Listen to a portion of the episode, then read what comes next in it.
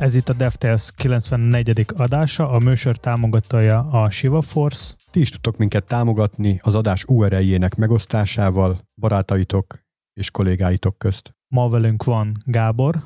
Sziasztok! Tibi. Szavaztok! Róka. Sziasztok! És én Edu vagyok. Sziasztok!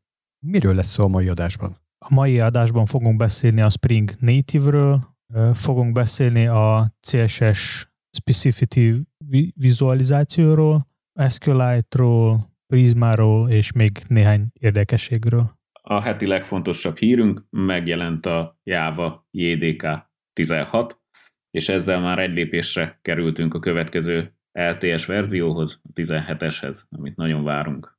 Mit vársz benne a legjobban? Rengeteg újítást és ilyen nyelv szintaktikai megoldást vezettek be és módosítottak be. Igazából főként fejlesztőknek lesz extra kényelmi funkciók bevezetve, tehát nem hoz olyan nagy látványos változásokat, mint mondjuk a 9-es volt a Jigsaw-val, de lesznek benne úgymond ilyen kis cukorkák. 2001. március 24-én megjelent a macOS 10, az első verzió, akkor kijött, és most már neki a, a, a macOS 10-nek 20, 20 év. Akkor az, az első, vagy a nagyobb ilyen újdonság volt a Aqua interface a macOS-nek, ami miatt nagyon híres lett. Végre egy olyan évforduló, amiről nem csúsztunk le nagyon. Mert tele vagyok maradva, mert hogy igazából csak egy éven használok meket, de hogy mi volt ez az interfész, amitől ez így hű, de nagyon... Tehát mit tudott ez az interfész? Tehát ez, a, ez valami új kinézet volt? Igen, Egy teljesen új, felület. teljesen új kinézet volt, ilyen bubble style design lett. Hát gondolom abban az időben ez egy ilyen modern dolognak számított, ilyen new wave valami. Szóval kerestem képet a 9-esről, és az annyira szögletes, hogy majdnem, hogy kiszúrja a képernyőt. Tehát tényleg csücskös benne minden. Azt mintha még úgy erősen összetévesztenéd mondjuk egy Microsoft-tal, régi Windows-okkal.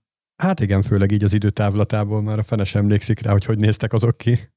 Egyébként szerintetek a, a, az Apple termékek, vagy most akkor csak nézzük egy MacBookot, macOS-sel, mennyit köszönhetnek magának az interfésznek? Rengeteget. szempont. Tehát ott, ott mi lehet? Az interfész a vonzó, vagy a hardware? Mind a kettő. Ez együtt, együtt tud mozogni.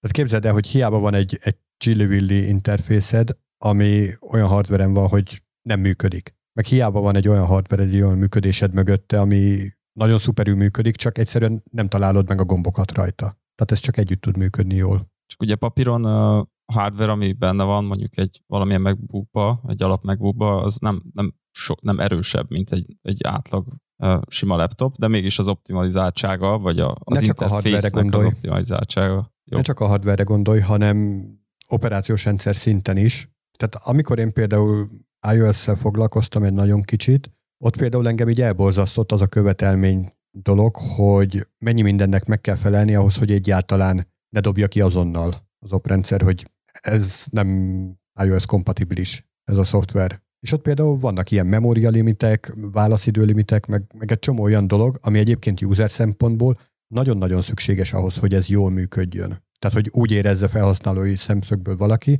hogy ez egy nagyon gördülékeny rendszer, és nagyon jó a hardware. És persze kell a lábas, tehát egy, nyilván egy 386-os gépen nem fog olyan jó hasítani. Nyilván csak együtt a kettő. Valahogy olyan jól eltalálják, vagy eltalálták ezt az arányt, hogy szerintem ez fogja meg igazából leginkább a felhasználókat. Meg talán az egyszerűség, hogy egyszerű, de nagyszerű sok esetben. Hát megmondom, ezek a megszorítások, ezek például, tehát fejlesztői szempontból tök rosszak, hogy ezeknek meg, meg kell felelni, de felhasználói szempontból pedig nagyon jó. Tehát nem nagyon fogsz olyan alkalmazással találkozni, ami így végtelen ciklussal egyszer csak most vagy kidobja a böngésző, hogy elrohat, vagy nem. És az az érdekes, hogy a maga felület nyilván változott azóta, de, de szerintem annyira drasztikusan nem. Én szerintem, tehát így ránézés. Nyilván nem, ha most ilyen, ilyen UI-t nézünk, akkor nem olyan, nem olyan gradiensek az átmenetek, meg mit tudom én, tehát most egy kicsit már letisztultabb az egész, de, de amit ott kitaláltak, az, azt azért vitték tovább elég rendesen. Hát az a baj, mert nehéz váltani a paradigmát, mert mindenki még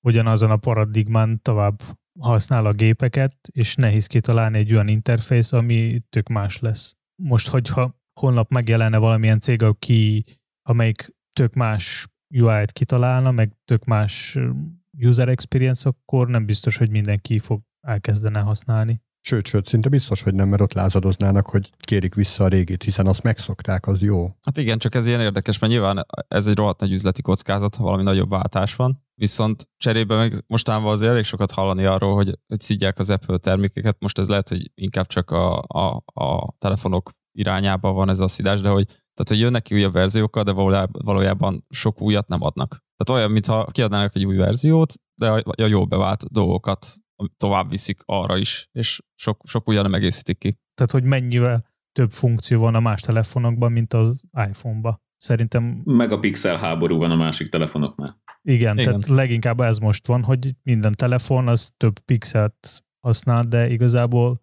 szóval ez egy másik téma, de így több, több ö, feature nincs más telefonokban. Szerintem nem rosszabb, csak egész egyszerűen sok támadás éri, szerintem leginkább az ára miatt. De ez, ez már valahogy berögződött az emberekbe, és de a többi telefon, vagy Igen. a többi ter- termék is már egyre drágább. Többi gyártónak a csúcs termékei is árba ugyanott vannak, csak szerintem ez egy ilyen berögződéses kész. Tehát, hogy mi az, hogy félmillió egy telefon. Ez lehet, hogy igazából csak nálunk van egy, ez, a, ez a támadás, vagy nál, itt, itt felénk. Hát, de nyilván nem zörög a haraszt, hogyha nem fújja a szél. Ami még érdekes volt a macOS kapcsán, az, hogy az első macOS 10 verziók az fizetős voltak, az update is voltak fizetős, és, és 2013-ban Apple abba hagyta kérni pénzt a macOS-ért, vagy, vagy a frissítésért. Szóval azóta ingyen van az összes macOS verzió. Hoztam én is egy témát most, az pedig a Spring Native. A Spring március 11-én kiadta ezt a experimentál csomagot, Stílusosan jelenleg még ilyen, igen, jelenleg még tesztelői fázisban. Ez igazából azt lehet elérni vele, hogy direktbe Docker image-et buildelünk, viszont natív módon futtatja benne a Spring az alkalmazást.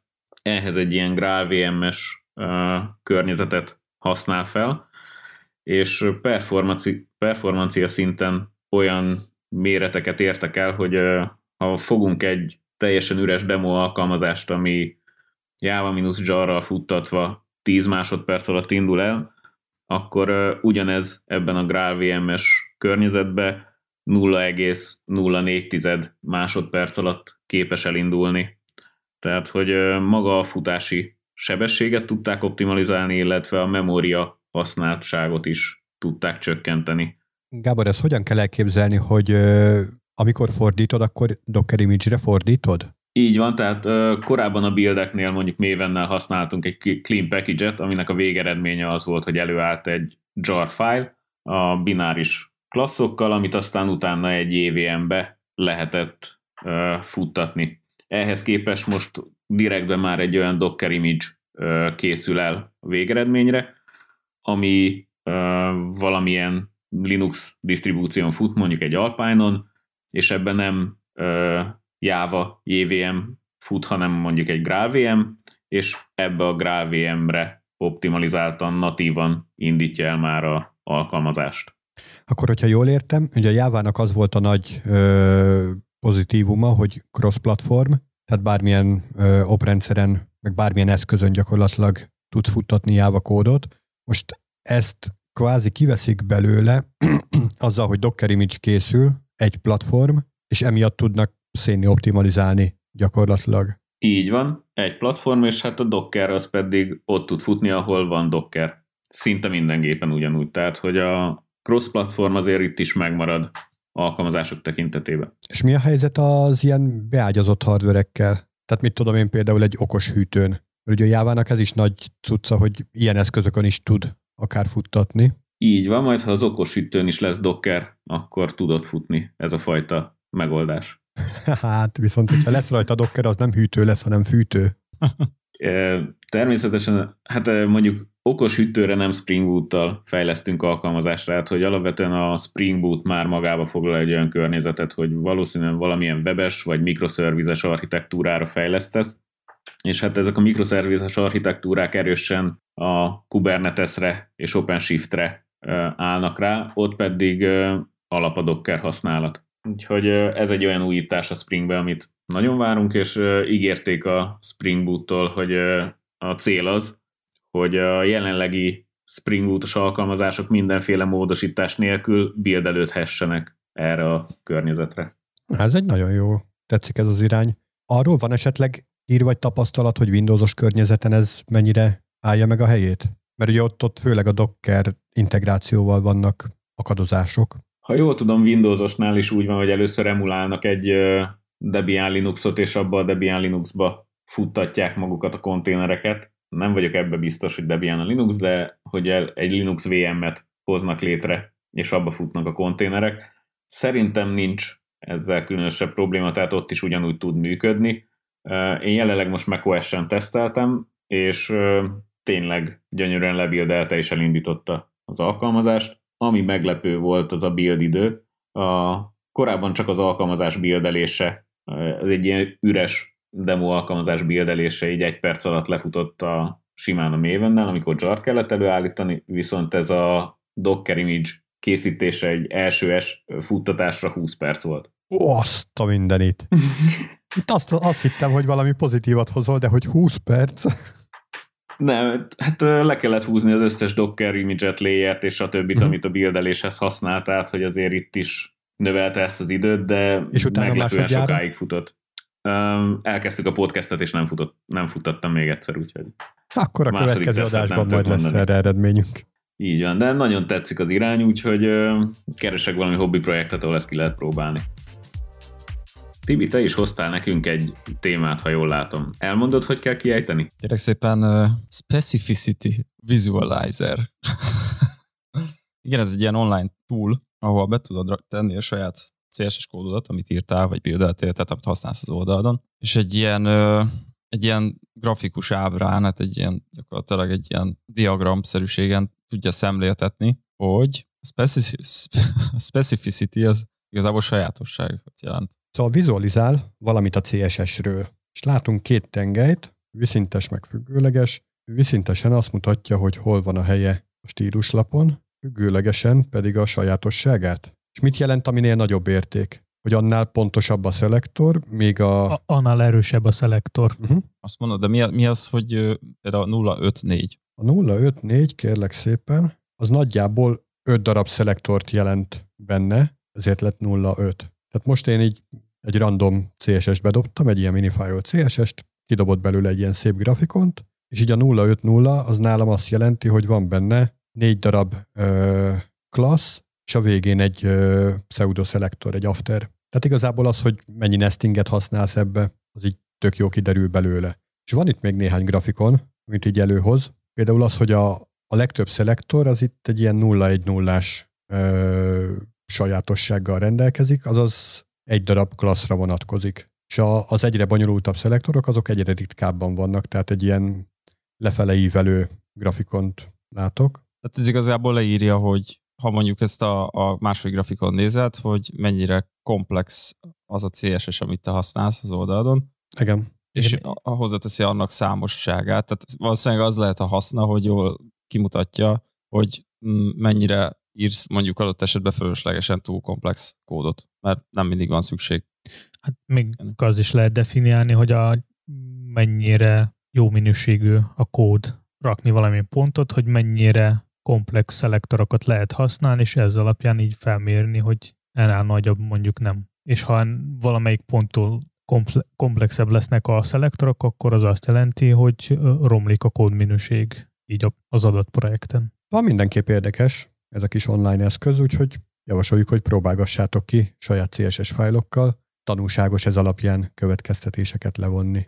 Mennyire segíthet ez a karbantarthatóságra törekedni, hogy ilyen túlokat kell online futtatgatni? Szerintem ez leginkább a meglévő kódbázisnál tud segíteni, hogyha új projekt kezdődik, kezdődik és ott jó szabályok, meg a tervek van lerakva, akkor erre nem nincs nagyon szükség. Max, max mint egy linter lehetne belerakni, hogy valamilyen szinten ne legyen, tehát hogy valameddig legyen a szelektornak a komplexitás. De belegondolsz a linterekbe, pont szoktunk olyat használni, mert a, ez a, a nesting mélység az nagyjából ezt kezeli, vagy korlátozza. Igen, igen. Tehát akkor egy meglévő projektnél mondjuk, ha refaktorálni szeretnénk, akkor ezzel lehet jól kiemelni, hogy melyik szelektorokat szeretnénk egyszerűsíteni, javítani. Igen. Egyértelműen megmutatja, hogy hol vannak a bonyolult részek. Csak azt, azt nem mondja el, hogy miért túl bonyolult ott. Tehát ott azt nyilván vizsgálni kell. Ezt akartam elmondani, hogy találtam is egy táblázatot, hogy pontosan hogyan számolja ki.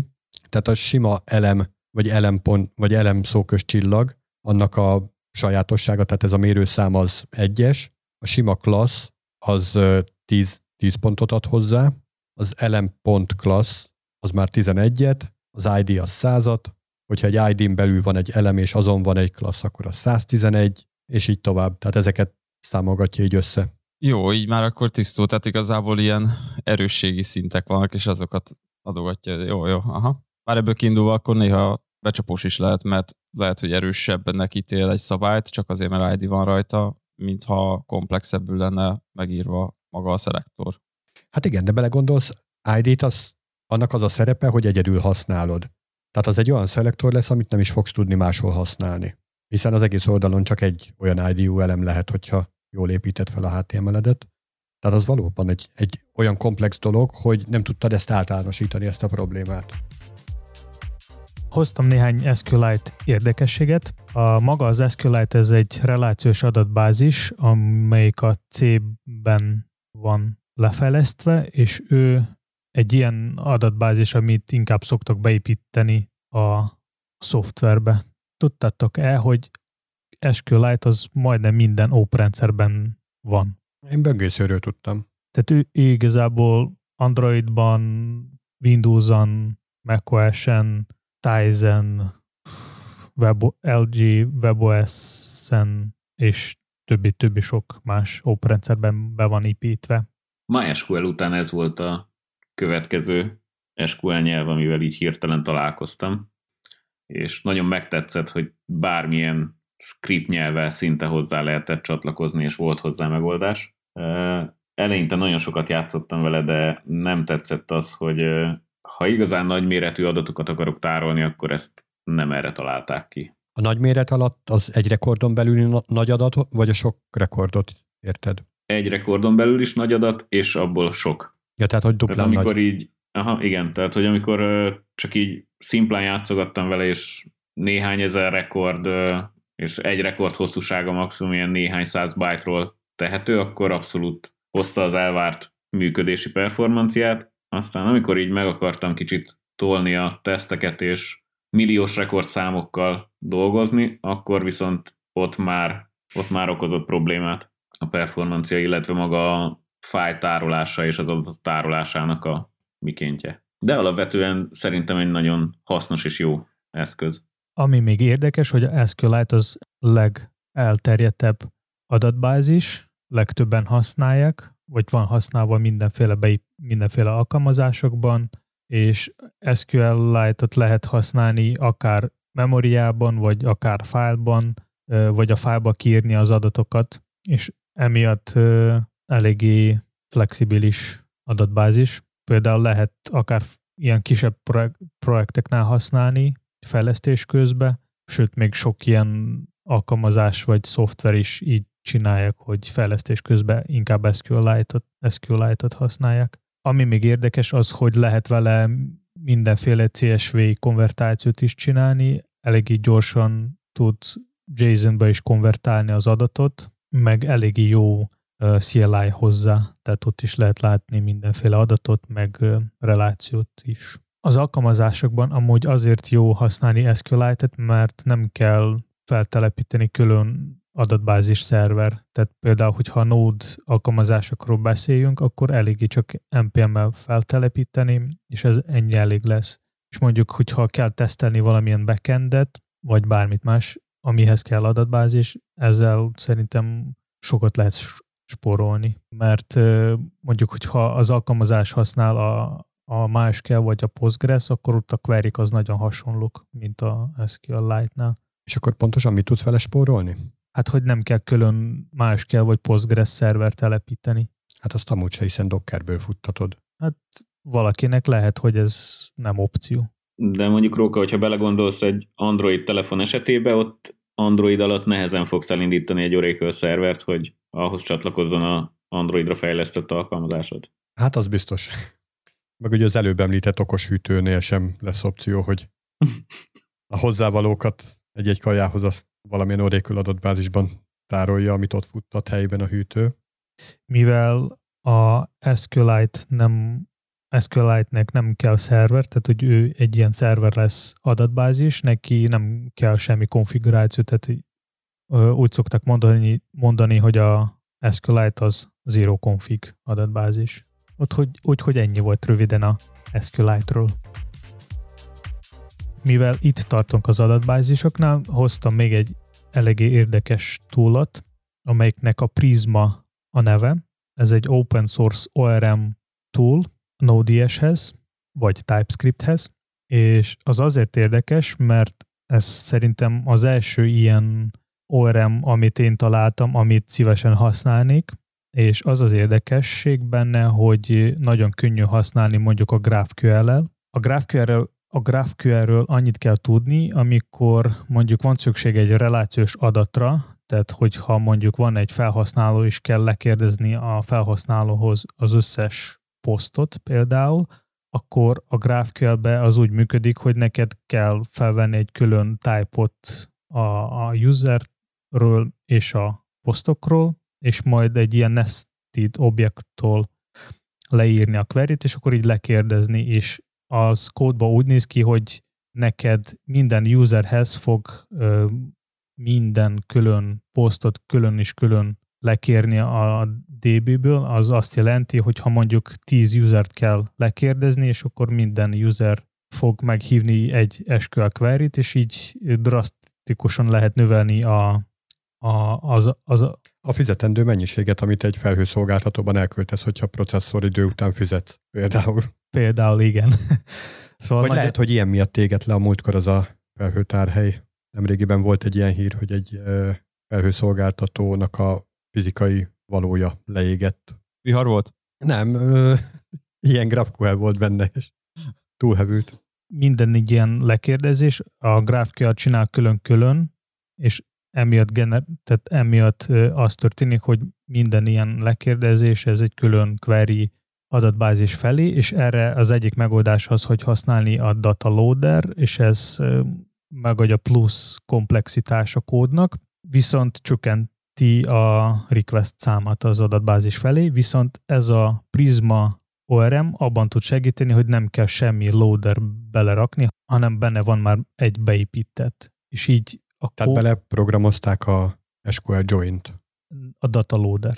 Hát, tehát az hát SQL joint. Igen, a, a végén az történik, hogy a háttérben az történik, hogy ők generálják egy rendes uh, SQL query ami csak egy lesz. Én is kipróbáltam a Prismát, és én a meglévő projekten ezt próbáltam ki, az nagyon tetszett az, hogy nekem csak annyit kellett csinálni, hogy futtatni egy scriptet, ami a meglévő adatbázisból generálta már a konfigot, és ő, ő ott már le volt írva az összes reláció, meg egyéb más fontos dolog, ami neki kell, és én csak majd írtam annyi, hogy prisma.users.get például, és akkor már, hogy find all, és akkor ő és ennyi kellett. Tehát kellett nekem csak feltelepíteni, futtatni egy scriptet, ami generál egy konfigot, és egyben tudtam használni. Igazából itt az a kérdés merül fel bennem, hogy akkor miért nem lehet kihagyni ezt a futtatok egy scriptet, ami generál egy konfigot, hogyha egyszer képes kiolvasni az adatbázisból, akkor miért nem tudja az alkalmazás indulásakor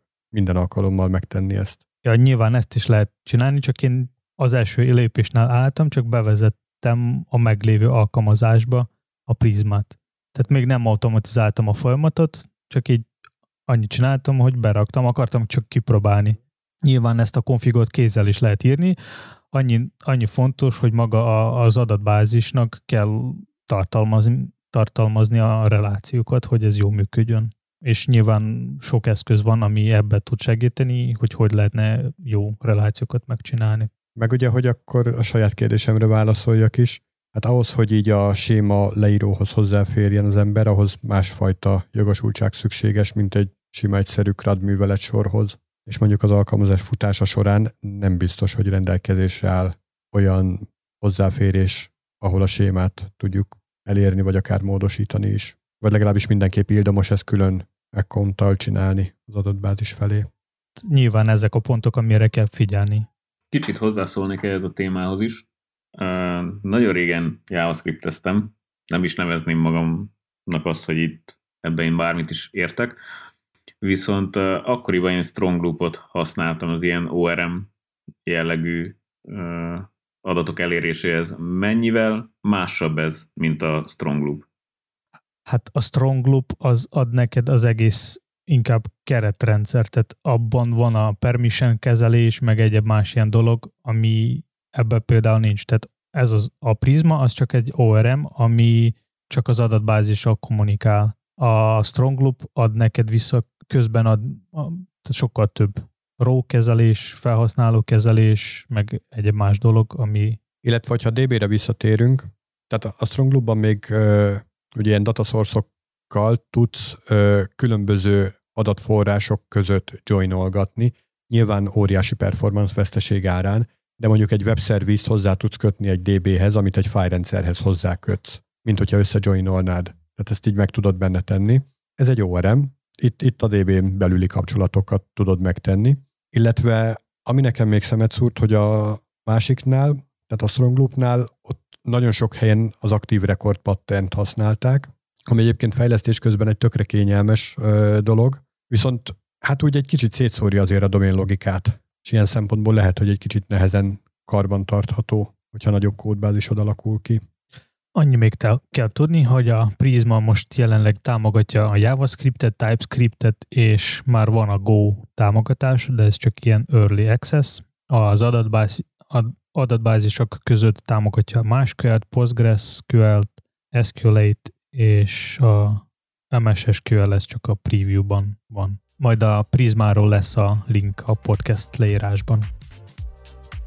A papírforma szerint április 20-án jön ki a Node-nak a 16-os verziója. Érdemes ezt a dátumot egyébként bevésni a naptárba, mert hogy ez egyben az a dátum is, amikor a Node 10-esnek a támogatása lejár. Ugye itt a páros verziók az LTS verziók, tehát hogyha valaki még Node 10-es környezetet használ, vagy ilyenben futtatja a kódjait, akkor ott érdemes lesz egy kicsit előrébb mozdulni időben. És egy érdekességet hoztam belőle, webes környezetben már régóta támogatott, viszont most Node-ban is támogatott lesz, ez az abort controller nevezetű dolog, ami arra jó, hogy egy-egy promiszt menet közben meg tud szakítani. Például mondjuk, hogyha már adatbázisokról beszéltünk, akkor elindítasz egy query ami nagyon sokáig fut, vagy, vagy csak nagyon sokáig fut, és nem azért fut sokáig, mert hogy rosszul írtad meg a query mert ilyet nyilván nem csinál senki, hanem éppen leterhelt a rendszer, lassú a file access, vagy, vagy bármi miatt sokáig fut, vagy a hálózat rossz, akkor egy idő után mondhatsz neki olyat, hogy ezt, ezt így szeretnéd eldobni, szeretnéd ezt a, ezt a promiszt így abortálni. És akkor ezt most már így meg tudod tenni. Erre eddig nem volt valamilyen másik megoldás? Hát, hogyha kértél egy kérést, és arra egy promisz jött válasz, az, egy, az a promisz az egy ígéret, hogy ez bizony le fog futni vagy hibával, vagy sikerrel, de véget ér. Saját timeout Akkor sikertelen lesz, tehát mindenhogy véget ért. Most viszont azt tudod megtenni, hogy menet közben, amikor te úgy gondolod, hogy mégsem, akkor így mondhatod, hogy jó, jó, ezt, kösz, ezt már nem kérem. És ezt időhöz tudod kötni? Hát bármihez, időben. bármihez. User Most interakcióhoz, bármilyen feltételhez. Tehát képzeld el, hogy elkezdesz egy fájlt feltölteni, egy nagy hosszú, nagy méretű fájlt, egy 160 terabájtos JPG-t, és menet közben rájössz, hogy ja, ez a másik kép, nem ezt akartad, és rányomsz a mégsemmre, hát böngészőben ez így macerás lenne enélkül megoldani, egy ilyen abort kontrollerrel pedig sima ügy. És lesz még valami érdekesség a 16-os nódba? Lesz még egy csomó minden, csak azt majd a következő adásokban, mivel még úgysem járunk ott. Úgyhogy hallgassatok minket legközelebb is. Gábor Jávában amikor ilyen aszinkron műveletek vannak, akkor van erre beépített nyelvi lehetőség? Hogy így megszakítsd a már elküldött aszinkron folyamatodat? Igen, van. Tehát, hogy ott uh, ugyebár a folyamat elindításához te threadeket használsz létre, vagy valami, használsz, vagy valamilyen executorokat hozol létre, és ezeknek a objektum szinten mindig megvan a referenciája, és azokat rögtön tudod bármikor abortálni, vagy visszavonni, lezárni. Ja, tehát akkor simán a threadnek mondod azt, hogy szia, nem pedig a kérésnek. Igen, igen. Hát akkor egy kicsit hasonló, hasonló. Itt kifejezetten a kérést tudod abortálni, mivel hogy JavaScript-ben nem annyira vannak töredek. Esetleg, hogyha valaki kedvet kapott ahhoz, hogy ezt ki is próbálja, akkor arra kell figyelni, hogy amikor egy ilyen abort kérés megszakítja ezt a promiszt, akkor ott abban az esetben az a promise az azonnal a reject ágra fut, és ott egy abort error az, ami érkezni fog. Így lehet ezt kezelni. Következő érdekesség lesz a Ghost CMS. Ebből most nemrég kijött a négyes verzió, ami nekem nagyon tetszett benne, hogy eléggé jó minimál design, tehát so, sokkal tiszta, tisztább a UI, mint például WordPress-nál, de viszont legérdekesebb feature, ami benne van, az, hogy ott lehetne, lehet megcsinálni fizetős tartalom. És ehhez nem kell semmi extra plugin, csak kell csatlakozni egy ilyen Stripe nevű szolgáltatáshoz, ami keresztül fog megtörténni az összes fizetés. Tehát akkor implementáltak benne egy webshopot, ami a Stripe-ra alapul. Az nem teljesen webshop, tehát ez kb. olyan, mint a Mediumra hasonlít, uh-huh. csak te saját szerveren tudsz ezt megcsinálni, és neked nem kell senkinek semmit fizetni, meg saját domén alatt. Mert a, például a Mediumnál az a probléma, hogy ott nem tudsz saját domét megcsinálni, domént megcsinálni. Hát viszont a Stripe-nak is van egy díja, ami ugye attól függ, hogy mennyi bevételed jött. Saját szerverért kell is fizetni. Oké, okay, de az amúgy veszik. is. De ott nagyon... Csak ugye azt említetted, hogy ezért nem kell külön fizetni semmit, de hogy ez valójában nem igaz, hanem a bevételnek a százalékával adózol a Stripe felé. Hát valakinek úgy is fogsz fizetni, hogyha szeretnéd valamilyen banki tranzakciót csinálni interneten, uh-huh. akár PayPal, akár valaki más. De azt amúgy is, igen, ez meg még ott, azon felül. Ott egy minimál százalék van, viszont így másnak nem kell fizetni. Tehát nem kell vásárolni valamilyen plugin, vagy még valami. Hát van egy oldalcsoport, amit csak akkor akarsz megjelenítetni egy felhasználó számára, hogyha fizetős user. De CMS oldal meg tudod mondani, hogy ezek az oldalak már olyan tartalmak legyenek. Van egy csomó ilyen újság, amelyik már most így működik, Magyarországon is van, ahol vannak publikus hírek, meg vannak olyan hírek, amik, a, vagy nem is akár egy komplet hír, hanem a hírnek csak a kifejtős része. Tehát a kis bevezető, az, ami ilyen mézes madzag, az, az ingyen elérhető, és a további rész az pedig fizetés ellenében. Na és ilyet tudsz vele kezelni. Jó hangzik. A fizető felületet is, hogy ezt neked kell még hozzá integrálni, az lehet még érdekes. Tehát hova irányítál? Milyen, milyen felületen tudsz fizetni? A Stripe-on keresztül. Most jelenleg támogatja 135 valutát, és lehet benne fizetni akár, bankárt, akár bankkártyával, Apple Pay-jel, Google Pay-jel, talán PayPal-al is, vagy ilyen hasonló szolgáltatásokkal is. Szóval ugye magában fejlesztő oldalról ez tök szuper, viszont felhasználó oldalról meg nagyon-nagyon rossz érzés, amikor van egy ilyen mézes madzagos cikk, és akkor fizess érte, és ne adj Isten, még rá is veszed magad és kifizeted, és rájössz, hogy tökre nem kellett volna, mert valójában másról lesz szó a cikk végén, vagy nem lesz olyan érdekes, nem releváns neked. Tehát ilyen zsákba macska. Azért van az a törvény, hogy 14 napon belül visszaadom, amit olvastam. Itt az én gondolatim. Mondod nekik, hogy ez nem tetszett ez a cikk, követelem vissza a pénzem. De, de tényleg, tehát a... ez tökre zsákba macska. Amíg egy terméket bemész a boltba, megtapizod, kipróbáltatod ott az eladókkal, meg akármi, addig itt nincs ilyen. De ez nem cikken, én nem tudom, tehát én sosem fizettem azért, hogy elolvassak egy tartalmat, de ez nem úgy néz ki, hogy ilyen cikk csoportokért fizetsz ilyen esetben, vagy nem tudom, a médiumon hogy van. Hát akkor de is zsákba macska. Hát zsákba macska, de... de... Igen. Ugyanez zsákba macska volt akkor is, amikor a Rikkancs kiabálta, hogy legújabb hír. Igen, Ott is le is áldozott az újságoknak. Meg. Igazad van úgy koló, tehát tényleg, ha, ha így gondolkodunk. Tehát Olyan, mint egy újság előfizetés, igen. tökre igen. igaz, de le is áldozott nekik. De az újságok meg nem azért áldozott le, mert hogy pénzbe kerülnek, hanem mert annyira megjelent az online jelenlét a ahol mobil eszközökkel. ahol meg ingyért ott van ugyanaz az info. Tehát akkor mégiscsak azért, mert hogy pénzbe kerülnek. Nem ugyanaz az info.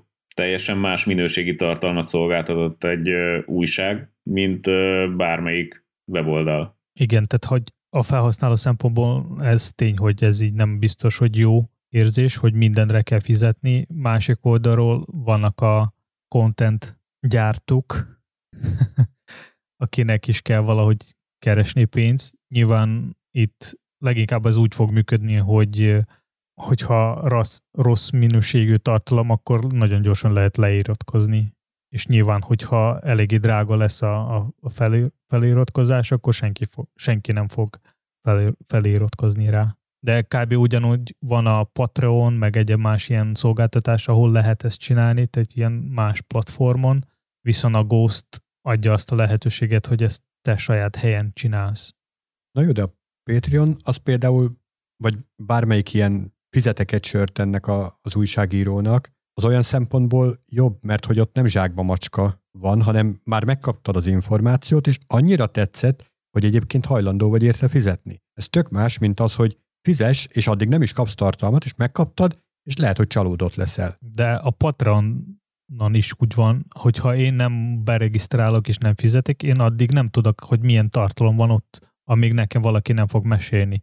Ugyanúgy itt is. Igen, ott nem, ott annyi csak látsz, hogy ez a tartalom nem elérhető, vagy elrejtett, azt ennyi. Tehát fogsz látni max egy ilyen preview-t róla, ugyanaz a Ghostnál is. Én csak azon gondolkoztam itt a, itt a Ghost, Ghostnak kapcsán, tehát mint CMS, hogy, hogy mit tud adni egy nem, mondjuk egy nem üzleti környezetre szánt, tehát ilyen mondjuk egy magánembernek szánt CMS, aki akar magának csinálni egy, egy viszonylag egyszerű honlapot, tehát mit tud többet adni, mint egy már bevált, mondjuk egy WordPress, vagy egy Drupal, vagy mit tudom. Tehát, hogy oké, okay, van most ez a plusz funkció benne, meg letisztult, meg jó a, jók a témák, meg tehát így jó, jó, jó az elemkészlet, de valószínűleg ez már, ez már azokon a, a CMS-eken is megvan. Hát például az, hogy itt kevesebben fognak támadni a Ghostot, mint a WordPress. Egész addig, amíg nem lesz népszerű. Eddig van kis idő. Tényleg ez is PHP-s? Nem, ez Node.js-es. Akkor meg még kevesebben. És egyébként ugye PHP-s, tehát olyan szolgáltatót, ahol PHP-t tudsz futtatni, az sokkal könnyebb találni, mint olyat, ahol Node.js tudsz futtatni. Ez igaz. De itt egyébként a, a díjazásnál írja, hogy ugye van havidi igen, van egy cloudos verzió, ami, Igen, ami tehát a külön. cloudos verzió is van. Igen, van egy cloudos verzió, és lehet nyilván saját szerverken futtatni. Annyi még kell tudni, hogy lehet gyártani hozzá témákat, ugyanúgy, mint a WordPress-hez, még van hoz, lehet csinálni még ilyen jamstack-et is, meg... Csak azért a, azokért a hallgatók kedvéért, akik korábbi adásainkat nem hallgatták, mi is az a Jamstack? Szóval a Jamstack ez JavaScript Application Markup, tehát az azt jelenti, hogy a, az adat az REST-ről jön, és maga a kliens oldal az, az JavaScriptes. És még a Ghostot még lehet használni ilyen static generátorokkal, úgy lehet használni, mint egy headless CMS is. És nyilván lehet, a Ghostot is lehet bővíteni mindenféle pluginokkal, rengeteg mindenféle plugin már létezik, RSS generálásra, email meg sok mindenféle social platform integráció, meg egyéb más dolog, ami, ami hasznos tud lenni. Meg én is keresek egy hobbi projektet, ahol tudnék ezt kipróbálni, mert nekem, nekem nagyon szimpatikus, mert én már nagyon régóta ismerem, de valahogy így, így nem, nem úgy tűnt, hogy mintha aktív projekt lenne, és most így az új verzió után ez legalább nekem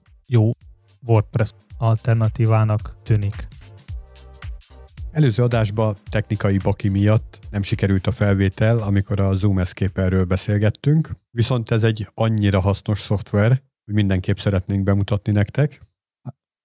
Csak imádom az oldalát, az a rögök csak. Érdemes megnézni. Na mit találtál, mesélnek? Hát a dizájnolás csúcsa. Óriási, nagyon trendi. Minimál. Minimál design, igen. Ilyen paintbe rajzolt nyilacskák vannak. Ez azt akarja szimbolizálni, hogy, hogy tudsz te a zoomból így kifele eszképelni? Igen, szó szerint erről van szó. Aha. Tehát, hogy ö, azt a problémát próbálja megoldani, hogy egész napra beragadsz valamilyen zoomos meetingbe, és hogy hogyan tudnak, hogyan tudsz te olyan input csatornákat beépíteni a Zoom megbeszélésbe, ami miatt téged ez kimenekít onnan. És ugye lehet választani ott egy csomó minden ilyen standard hang zajforrást, építkezés, az a klasszikus, gyereksírás, ja, hogy ezt bejátszod, a, tehát mintha nálad lenne az a hang. A, a... Igen, igen, igen. Aha. Ott mutatja is, hogy valamilyen szoftvert, hogyha letöltesz, akkor ezt össze tudja mixelni a te saját input sávoddal, és amikor te bekapcsolod a mikrofont, és elkezdesz beszélgetni, akkor mintha neked az lenne a háttérzaj, hogy egyébként ütvefúróval verik szét a, az asztalodat. De ez le kell tölteni valamit? Hát azt a szoftvert, azt igen. igen aha. Hát vagy úgy lehet használni, hogy bekapcsolsz a böngészőből, de nem biztos, hogy ilyen minőségű lesz a hang, mintha letöltenél Ha. az alkalmazást, viszont még azt is lehet, hogy lehet valahonnan szerezni valamilyen plusz hangokat, és azt is használni. Tehát, hogy nem muszáj az a defaultot használni, ami benne van, hanem mást is. Hát ja, itt van, van gyereksírás, szél, felújítás, rossz, rossz kapcsolat, kutyaugatás, mindenféle. Ezt nem lehet itt kipróbálni? Enable microphone, az csak, az csak más. De működik. Ki tudod próbálni. Azt, azt hogy?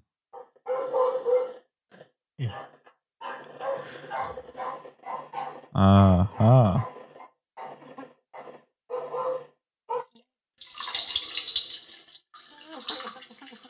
Ez a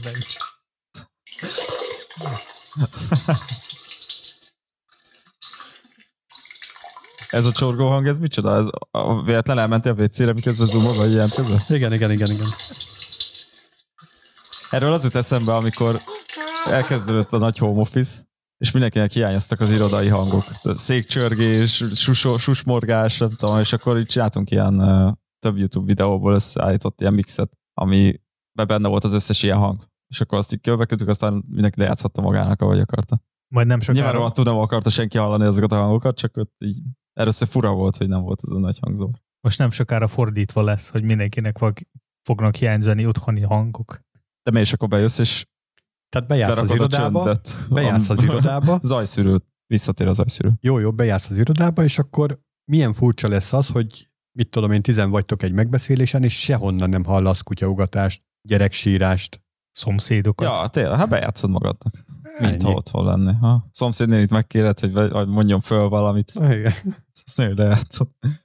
Jön a postás. Emberek ennyire unatkoznak? Tehát, hogy ilyen így ráérnek, Nem, és ilyet ez- tudnak ez- találni. Azt mutatja, hogy ez a világszintű lezárás, ugye a koronavírus miatt, ez egy olyan fajta problémát hozott az emberek közé, ami, amivel nem tudnak mit kezdeni, nincs erre jó válasz még. Tehát az, hogy egész napra tényleg beragadsz így meetingek közbe, az egy probléma, és menekülni akar a legtöbb ember innen. És milyen módon De lehet? van egy megoldás, beszólsz, hogy császtok, gyíkok, léptem. Tehát, hogy Na jó, igen, csak amikor tudom, én, több igazgató ott árgus szemekkel figyel, hogy akkor te most bármikor ö, szükség lesz rád, akkor azért mégsem fogsz ilyen szöveggel kilépni.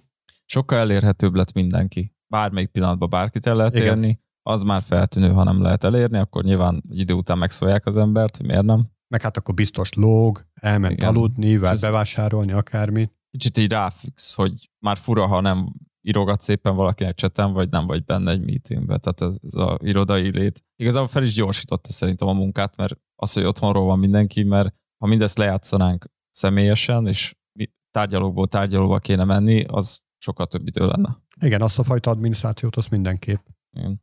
Illetve hát ez is egy konkrét probléma, hogy amikor tudom én, 3, 4, 5, 6 meeting van egymás után szépen sorba betárazva a naptáradba, hogyha mindegyik kihúzza a végéig, meg esetleg még egy-két perccel tovább, mert illedelmesen elköszönünk, meg stb. A másik már elkezdődött, ott már bocsánatkéréssel érkezel, hogy bocsa késésért, és egyszerűen nem marad időd arra, hogy a kettő között elszaladj WC-re.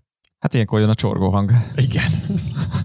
Tehát élő a probléma. Zoom Escaper. Olyan, mint valami skifi, skifi, skifi filmben valami, nem tudom, űrhajónak a neve, vagy, vagy valami küldetésnek a neve.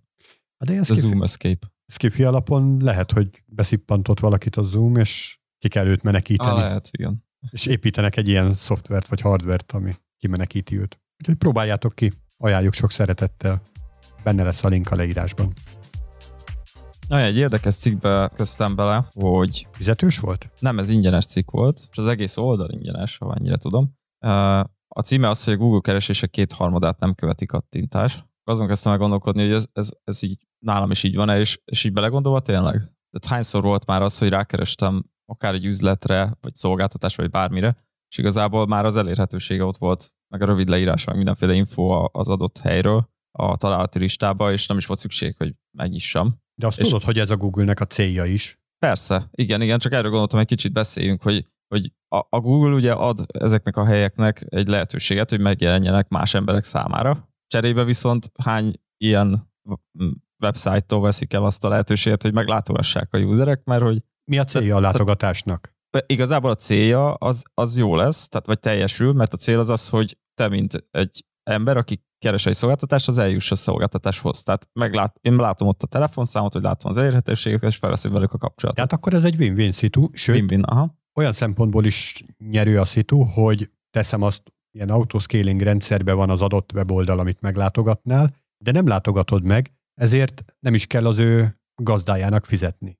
Csak abba belegondolva, tehát érdemes abba belegondolni, hogy valójában akkor így egy honlapnak, és, és a honlap összetételének, vagy trendiségének, vagy bármilyen ö, ilyen szempontú dolgának, szépen megfogalmaztam, de lényeg az, hogy mennyire jelentősége teljes az, hogy te most építs egy szép oldalt magadnak. Men, tehát sokkal, sokkal fontosabb ezek alapján az, hogy te megjelenjél jó helyen, és valójában az, a, amilyen honlapod van, amúgy is már sok esetben egy, egy cégnek kimulóban van, hogy saját jó honlapja legyen, az, az már nem fontos annyira. Attól függ, hogy mi a célja a honlapnak. Igen. Hogyha az a célja, hogy te ott töltsd az idődet, tehát mit, olyan esetben, mint például egy, egy Facebook, hogy órákat szeretne, hogy ott rajta töltsd az idődet, annál tök fontos, hogy jól nézzen ki, meg ergonomikus legyen, meg stb. Még egy olyan honlap esetében, ami csak, csak információt akar közölni, mi itt vagyunk, itt jelenünk meg a térképen, ez a telefonszámunk, ez a nyitvatartásunk, és nem tudom, WC ülőkét árulunk, ennek tökre nem fontos, mert nem akarsz ott időt tölteni. Ez nem egy olyan platform, ahol te az idődet szeretnéd eltölteni, hanem kényszerből szorulsz rá, mert, mert valamiért tönkrement az az eszköz, és szeretnél egy újat belőle. Ilyenkor sokkal fontosabb az, hogy meglegyen az info, és túl, túl legyél az egészen. Tehát a, a, a célja nem mindegy, hogy honlapnak. De ahhoz, hogy legyen valamilyen elérhetős, elér, elérhetőségi info, ehhez nem kell web, weboldal. A Google, nem kéne. Csak Be be kéne oda küldeni, és kész. Igen, a Google Maps le, Maps-re például lehet felrakni, és én csomó ilyennel találkoztam, hogy találtam valami boltot, vagy üzletet, és akkor ott nem volt semmi weboldal. Jó, de valójában sok ilyen, web, sok ilyen üzletnek a, az az info, amit magukról akarok mondani, az ott pont elfér. Igen, tehát ezért mondom, ez, ez win-win szitu. Tehát Mhm. ilyen szempontból tök jó, hogy van. És mikor rossz? Nem tudom, most hirtelen nem jut eszembe, hogy mikor rossz. Ugye akkor lehet rossz, hogyha ezen a honlapon te arra appellálsz, hogy teleágyazod mindenféle reklámokkal, és hogy majd a reklámból lesz valamilyen fajta bevételed, de hogy valójában nem lesz reklámbevételed, mert hogy meg se látogatják. De tehát ismét vissza kell egyet lépni, hogy mi volt annak a honlapnak a célja az, hogy időt töltsél ott, mert akkor legyen nagyon szép, és akkor csalogasson arra, hogy te ott töltsd az időt. Másik oldalról meg, hogyha informatív, akkor úgysem lesz annyi reklámbevételed. Nagyon jó példa erre, vannak olyan honlapok, ahol a title-be, meg a description-be, meg mindenhova fölrakják azt az infót, hogy azt a keresőszót, amit te kerestél, mit tudom én, fülhallgató, fekete fülhallgató találatok nagy számba, meg stb. De egyébként a Google nem tudja kinyerni a konkrét ö, adatot, hogy mennyibe kerül például, vagy hogy hol van a bolt, vagy stb. Viszont az, az összes találatban ott lesz az első 10, top 10 helyen, hogy ők egyébként ezt árulják. Ezt is, meg bármilyen más keresőszót is. Meg ilyen termékeknél meg, tehát erre van más célú oldal, mint az árukereső, meg hasonló oldalak, tehát ott szerintem az számít, hogy olyan, olyan helyekre kerüljél be, mint bolt, és hogy a általad forgalmazó termék nálad jó áron kapható. Szerintem az az első. Én- is, ha magamból indulok ki, azért legtöbbször egy-egy termékre rákeresek, oda megyek föl. Hát így a Google-nek a leírás az többször is lehet fér, félrevezető, amikor megtalálsz, vagy keresel valamilyen cikkre, és ott vannak azok a kulcsszavak, amire kerestél, megnyitod, és akkor ott tök más volt, amit, amire számítottad. Hát ha egyáltalán megnyitod az alapján, a leírás alapján. Igen. Tehát ilyenkor például, ugye az volt a kérdés, hogy mikor lehet ez rossz, akkor lehet rossz, hogyha valahogy a Google rosszul parzolja ki, vagy nem releváns részt parzol ki ebből az oldalból. És erről a Google keresésekről eszembe jutott az, hogy valahogy belefutottam egy olyan képbe, hogy mik a leglátogatottabb oldalak most a világon, tudom, ebben nyilván túl nagy meglepetés nincs, mert a Google, Facebook és hasonlók elég nagy számok vannak. Sorrendben Google, YouTube, Facebook, Twitter, Wikipedia, Instagram, Baidu, Yahoo, Xvideos, Pornhub, ugye az első tizet. Igen, hát a, A Pornhubnal miért az piros utolsó kettő, a, Hát, mert az most be utolsó kellett kettő adult tartalom. Igen. Egyébként pont a Pornhubra volt ez egyik ilyen elemző oldalon kép, hogy, hogy egy percen belül mennyi, uh, tehát mi történik gyakorlatilag az oldalon. Hú, hány, egy hány lekérdezés, hány videót játszanak le. Ja, meg hogy úgy mi történik. Úgy. Igen. És uh, gyakorlatilag azt írják, 80 ezer látogató van, ez a, ez a 2019-es statisztika, 77 ezer keresés, uh, és 219 ezer uh, videó megtekintés például. Tehát nagyon durva számok azért, hogyha így belegondolunk, egy perc alatt. Nyilván mindenki iPhone-ot keresi. Igen. Hát egy ilyen videós oldalnál azért a videó megtekintések szám az nem kéne, hogy durvának hasson, hiszen ez a célja. Ez a célja csak akkor is, hogy milyen nagy szám egy perc alatt. Tehát, Mhm. hogy majd, hogy nem 300 ezer megtekintés.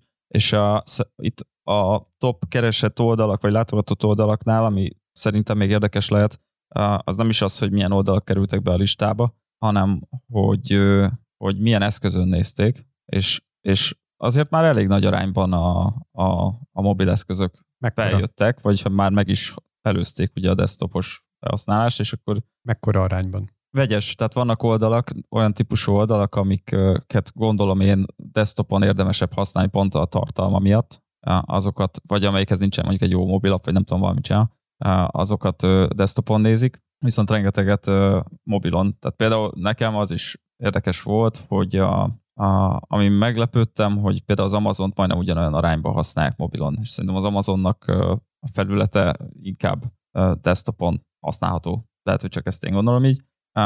De például, ha YouTube-ot nézzük, ott elvileg majdnem 80%-os a desktop felhasználói arány, ami meg azért meglepő, mert én azt gondoltam, most nem tudom, ebben benne van-e a, a mobilap, tehát hogy azt számolja ilyenkor, mert hogyha nem számolja, akkor nem hiszem, nem meglepő a dolog. Tehát nyilván a, a browserben futó YouTube ott mobilon annyira nem használják emberek, de azt hittem, hogy kisebb a szám desktopon. És csak az jutott erről eszembe, hogy használunk, tehát tervezünk mobilokra, meg, meg, meg mobilra készítünk weblapokat, de hogy azért szerintem még mindig nincsen annyira, hogy mondjam, nem az az elsődleges még mindig. Tehát még mindig azt mondjuk, oké, okay, desktop, desktop, de azért nézzük meg mobilon is, hogy milyen, de közben meg lehet, hogy lassan így ez meg fog fordulni.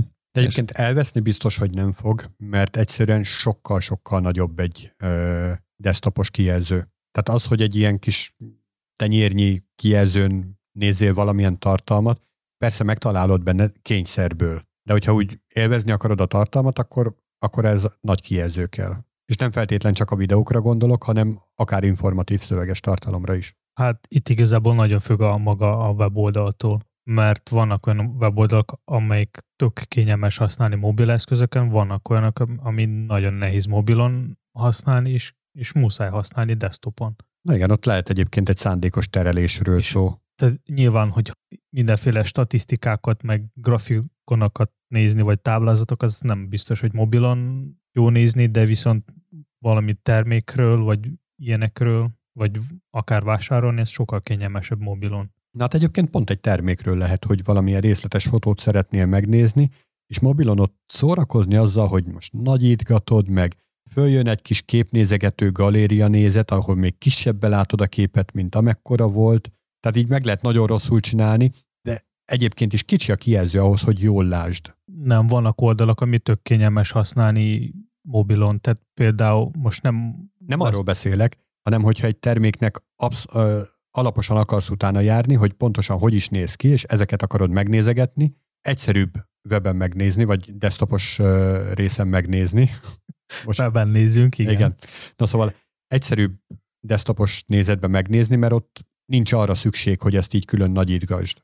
Ez most nem lesz reklám, de az apple.com-on is nagyon könnyű találni az összes info az összes termékről mobilon is. Tehát nem csak desktopon, és ha megnézni bármilyen más, hogyha rákeresni valamilyen webshopra, a, akár árakeresőn, akkor nem az összes oldal, ami könny, könnyű használható lesz majd a mobilon. Akkor félreértesz, tehát nem a kereshetőségre vonatkozó dolgot mondtam én, hanem az, hogy amit kiválasztottál, megkerested akármilyen úton, módon, azt, annak a részleteit megnézd. Arra gondoltam, igen, tehát az apple.com-on nagyon jó a user experience, amikor olvasol egy termékről. Nem olvasod, nézed a képet. Nézed Tehát- a képet Tehát is. mi, még mindig félreértettél.